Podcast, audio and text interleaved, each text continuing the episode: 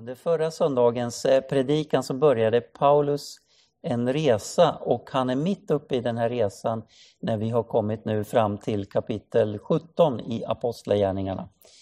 Och eh, vi läser ifrån eh, vers 1.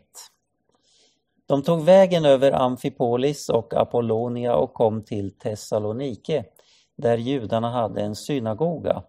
Paulus besökte dem som han brukade och under tre sabbater samtalade han med dem utifrån skrifterna och förklarade och visade att Messias måste lida och uppstå från de döda.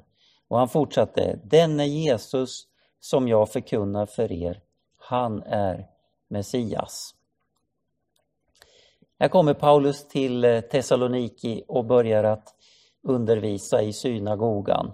Under tre sabbater, alltså under tre veckor, så är han i Thessalonike och predikar varje sabbat i synagogan. Och eh, en del av dem kommer till tro, andra gör det inte. De är eh, arga på Paulus för att han eh, eh predikar Jesus. De gillar inte riktigt det här budskapet. Eh, vi ser att eh, Paulus när han förkunnar, när han predikar så talar han om just Jesus, att han måste lida och att han också uppstod ifrån de döda. Det här verkar vara något väldigt centralt i Paulus förkunnelse. Att eh, predika Jesus och uppståndelsen. Och utan Jesus och uppståndelsen så är ju vårt budskap ganska så meningslöst.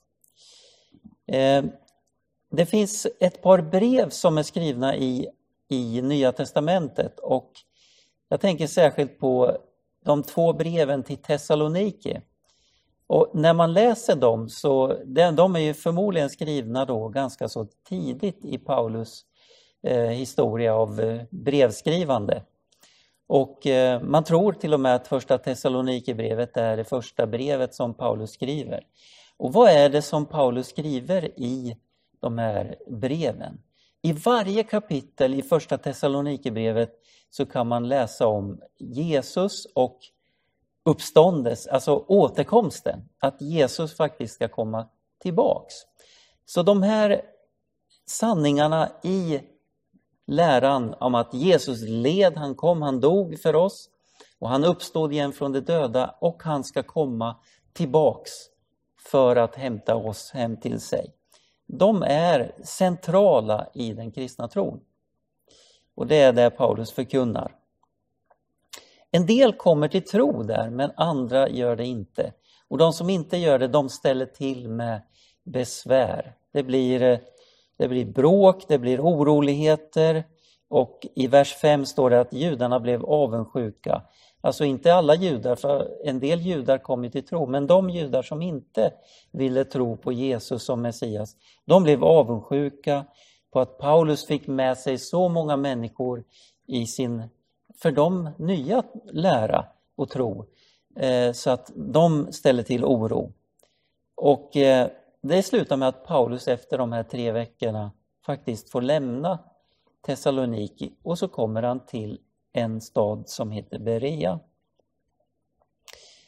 Och eh, när han kommer till Berea så står det i vers 11 att folket där var öppnare än de i Thessaloniki.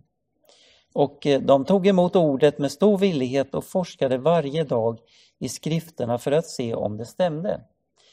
De eh, ville gärna se, till, se om det var sant det som Paulus förkunnade.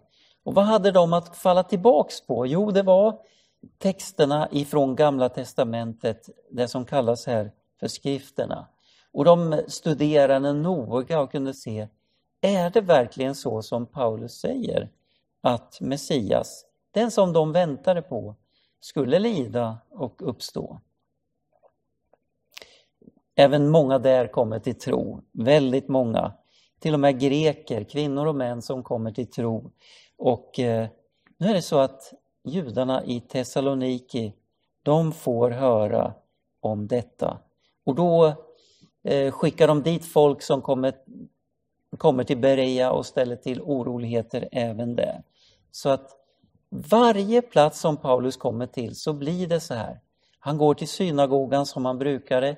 Han går till judarna först och liksom berättar för dem för att eh, på något sätt känner han sig, eh, ja, han känner sig tvingad på något sätt nästan att, att gå till judarna först och berätta för dem om Jesus. Det är ju de som väntade på Messias. Så Paulus vill berätta för dem om att denne Jesus är just Messias.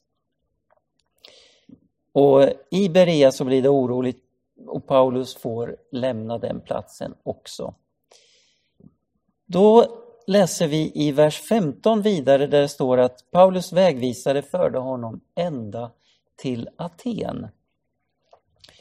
Och när han kommer till Aten så, för att ge en liten bakgrund, du som har varit i Aten kanske på en turistresa vet att det är fullt av olika avgudar och det finns tempel, Akropolis mitt i staden, mängder av tempel, mängder av avgudabilder. Och i den här stan så finns det massor med filosofer. De har tänkare som talar eh, och delar med sig av sina tankar och folk lyssnar gärna till någonting, det som är nytt för dagen. Och I den här staden, dit kommer Paulus och han börjar att berätta om Jesus. I vers 18 så står det så här i, i kapitel 17. Även en del filosofer, både epikurer och stoiker, diskuterade med honom. En del sade, vad vill den där pratmakaren säga? Andra sa, han verkar vara en som förkunnar främmande gudar. Det sa så eftersom han predikade evangeliet om Jesus och uppståndelsen. Och de tog med honom till Areopagen och sa, kan vi få veta vad det är för en ny lära du förkunnar? De är nyfikna på Paulus och de, eh, på den läran som Paulus kommer till dem med. De gillar att lyssna på sånt här. De hade inte så många sociala medier och nyhetskanaler att bläddra bland utan de tyckte det var roligt att underhålla sig med vad som var nytt för dagen och det lyssnade de på. Och nu verkar det som att, för dem verkar det som att Paulus predikar ett par nya gudar.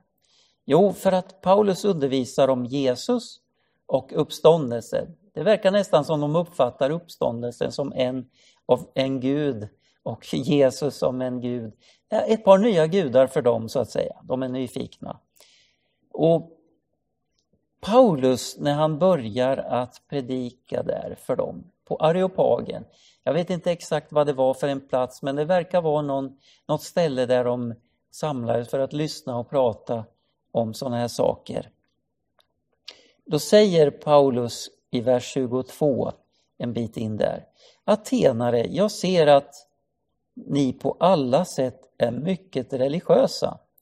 När jag gick omkring och studerade era gudabilder fann jag nämligen också ett altare med inskriften åt en okänd gud. Där ni tillber utan att känna, det förkunnar jag nu för er. Gud är den som har skapat världen och allt som finns i den. Han som är herre över himmel och jord bor inte i tempel gjorda av människohand.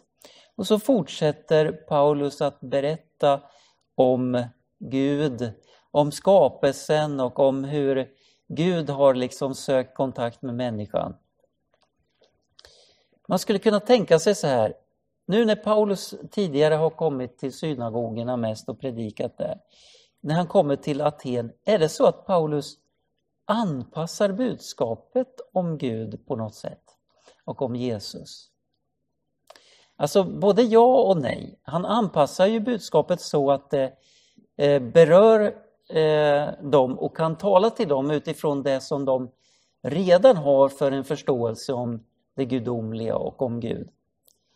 Men han anpassar ju verkligen inte budskapet om Jesus, alltså kärnan, om att Jesus kom, han led, han dog, uppstod och ska komma tillbaks igen. Eh, han tar fasta på det som fanns hos dem. Det fanns massor med avgudar.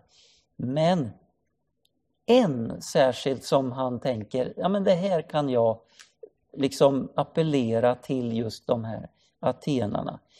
Jag tror att varje människa inom sig har en längtan efter Gud. Och den där längtan den ger sig till uttryck på olika sätt. Och hos de här atenarna så hade det blivit så att de bland alla sina avgudar tänkte att det måste finnas någon mer Gud.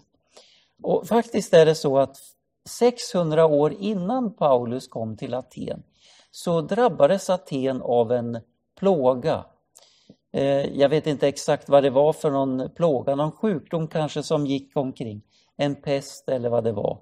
Och då fanns det en man där en, som hette Epimenides som kom, kom fram till den briljanta idén.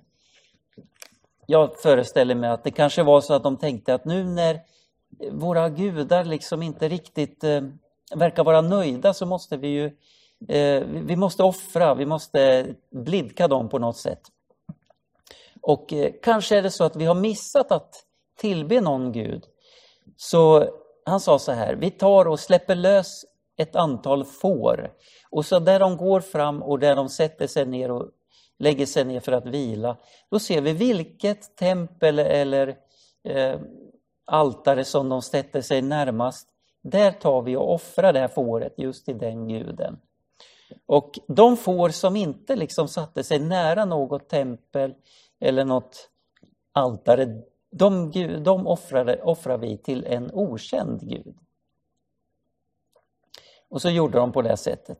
Och eh, man fortsatte på något sätt att ha den här okända guden också med i, sitt, eh, i sin tankevärld.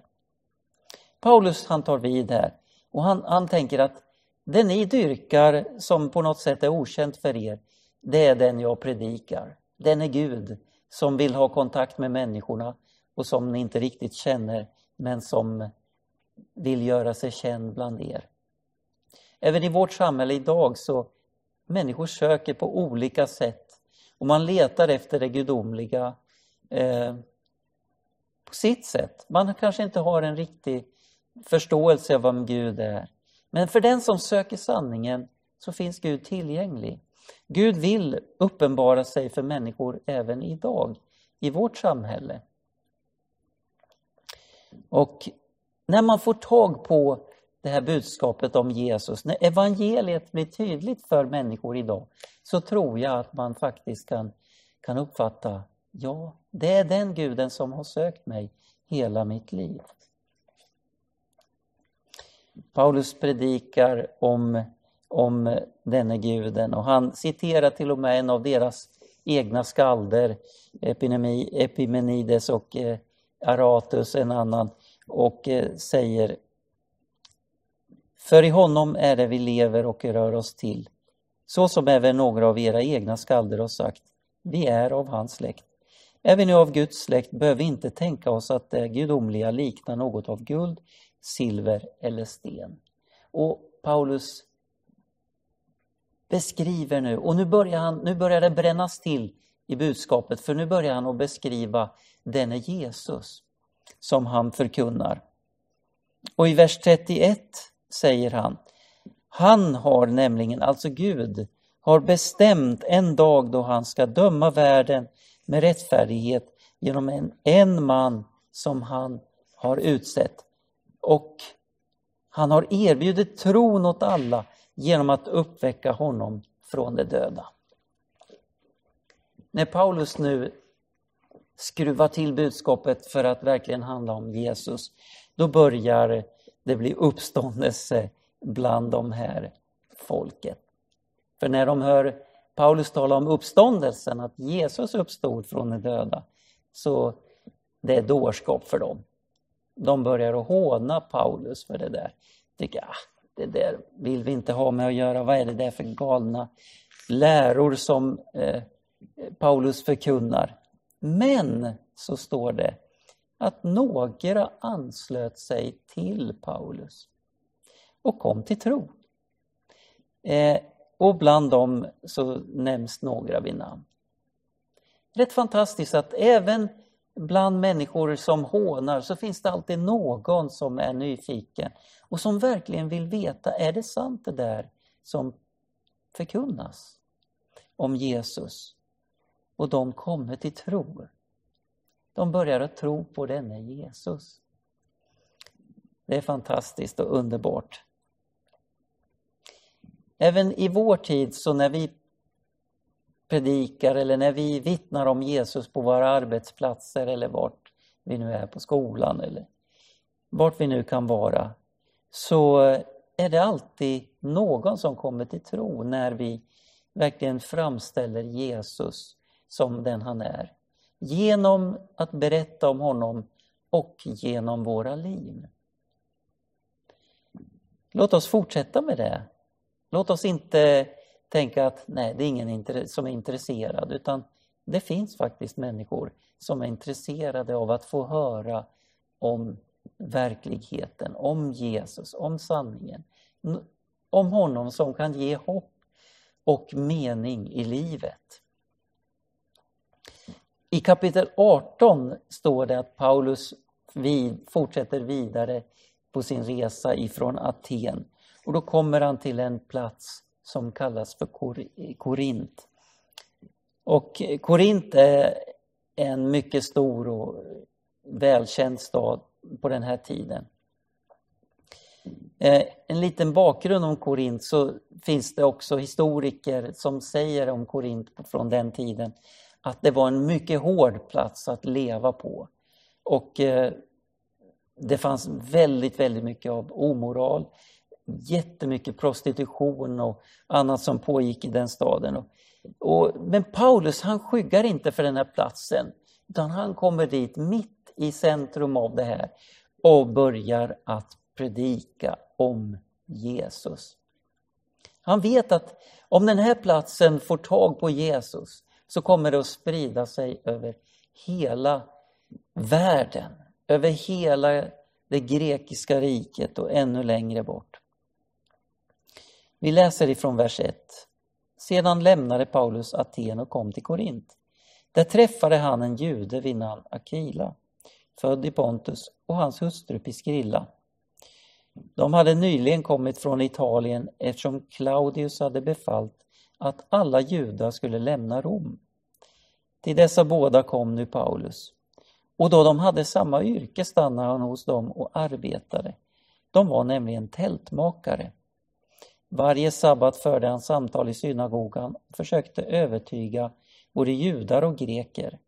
När Silas och Timoteus kom ner från Makedonien var Paulus fullt upptagen med att förkunna ordet och vittna för judarna att Jesus är Messias.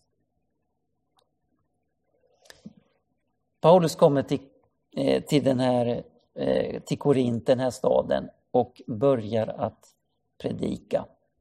Eh, det stod här att han träffar Aquila och Priscilla där. De har nyligen kommit ifrån Rom och bosatt sig i Korint.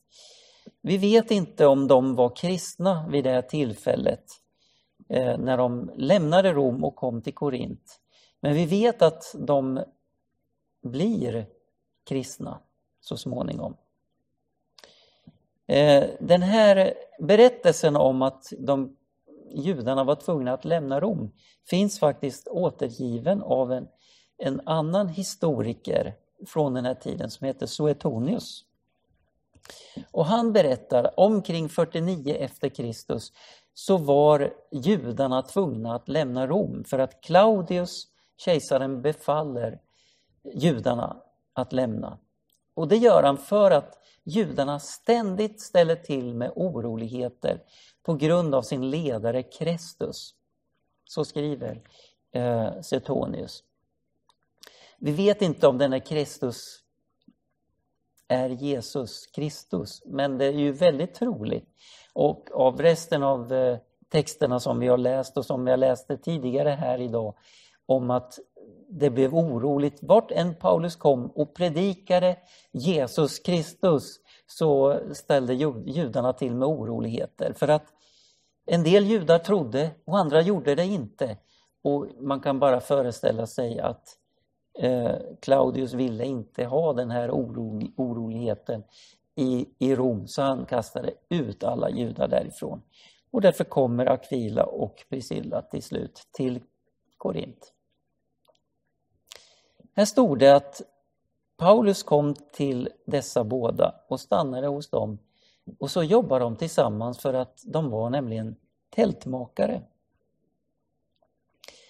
Och den här, eh, jag tycker det är väldigt intressant att just den här eh, yrket som de har för dem på något sätt samman. Paulus han var ju en skriftlärd eller en rabbin eller vad man ska kunna kalla. Och på den tiden så var det inte lämpligt inom judisk tro att en, en rabbin eller en skriftlärd tog betalt för, det, för den här lärotjänsten han gjorde. Utan de skriftlärda rabbinerna brukade arbeta, ha ett yrke vid sidan om och sedan så undervisa de utan att ta betalt för för sin undervisning. Och det är ju mycket troligt att det är så för Paulus också. Eh, så han börjar att jobba tillsammans med, med Aquila och Priscilla. Det kanske är första exemplet på arbetsplatsevangelisation. När Paulus genom sitt liv vittnar om att han är en kristen. Medan han håller på med sina tältdukar så berättar han om Jesus. Han vittnar om Jesus för Aquila och Priscilla. Det, jag föreställer mig så nu, nu vet vi ju inte om de redan var kristna, men, men det kanske är så. Tänk om det var så. Att Paulus, när han vittnar om Jesus, på det här enkla sättet får föra Akvila och Priscilla till Jesus så att de kommer till tro. När Silas och Timoteus kommer ner från Makedonien så är Paulus helt upptagen med att i synagogorna och i sitt arbete förkunna om Jesus, att han är Messias.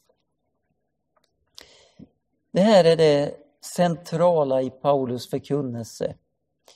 Och vart han än är, om det är mitt i veckan när han håller på med sina tältdukar eller om det är under sabbaten när han är i synagogan så förmedlar han budskapet om Jesus Kristus. Han förkunnar hur Jesus är den som har kommit för att frälsa världen. Han är Messias, Kristus, den som de har väntat på. Han berättar om denne Jesus som kan ge dem mening i sitt liv. Han förkunnar Jesus. Tänk att eh, du och jag också kan, vart vi än går fram, inte bara i kyrkan eh, där vi liksom möjligen är en söndag, predikar och vittnar om Jesus, utan varje dag i veckan på våra arbetsplatser, skolor, överallt där vi är. Berättar om Jesus som kan ge människor mening i tillvaron. För du vet, du är inte skapad, du är inte bara en, en person som kommer från ingenting och ska gå till ingenting. En slump. Utan du är en Guds skapelse. Du kommer från Gud. Skapad ur ingenting för att bli någonting, för att vara någonting, för att vara Guds folk, för att vara ett Guds barn, för att ha gemenskap med Gud. Människor idag längtar efter någonting, en mening, mening i sitt liv. Man skapar sig mening i olika avgudar så att säga, okända gudar, altaren som man har i sina liv. Men bara Jesus kan ge mening som håller. Till och med, till och med efter döden. Jesus dog och uppstod. Han har visat en väg. Det finns mening eh, för varje människa. Här stod det att Paulus var upptagen, helt upptagen. Min fråga till dig och mig själv är, vad är vi upptagna med idag?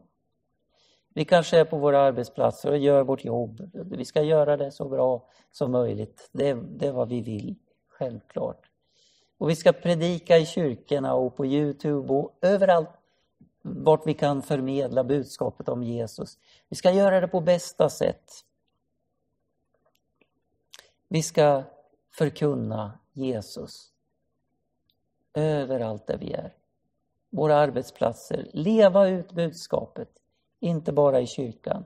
Och just nu är vi ju knappt i kyrkan på grund av eh, pandemin som går runt i vår värld.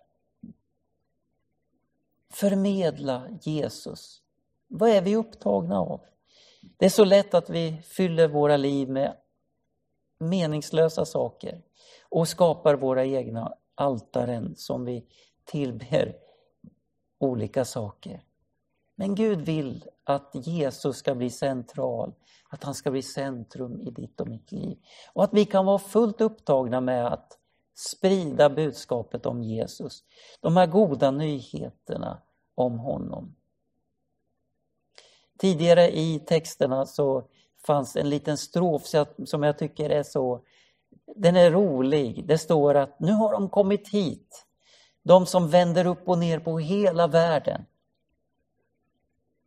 Det var när de eh, ville beskriva Paulus och de kristnas lära. Tänk om vi kunde vrida och vända upp och ner på hela världen med budskapet om Jesus. Där människor är så fast i allt möjligt annat. Att få höra budskapet om Jesus, han som kan ge oss mening i våra liv. Det är han som vill omsluta oss och ge oss våra, våra liv en mening och en trygghet. Gud välsigne dig. Låt oss be. Herre Jesus, tack att vi får eh, sätta vårt fokus på dig och tack för att du vill utmana oss att följa dig även idag och förkunna dig, berätta de goda nyheterna om att du Jesus har kommit för att frälsa människor och för att eh, visa oss vägen som till och med leder oss bortom döden och in i en evig gemenskap med dig själv, Gud, Jesus Kristus. Vi tackar dig. Gud, välsigna var och en som lyssnar och hör detta budskap. Amen.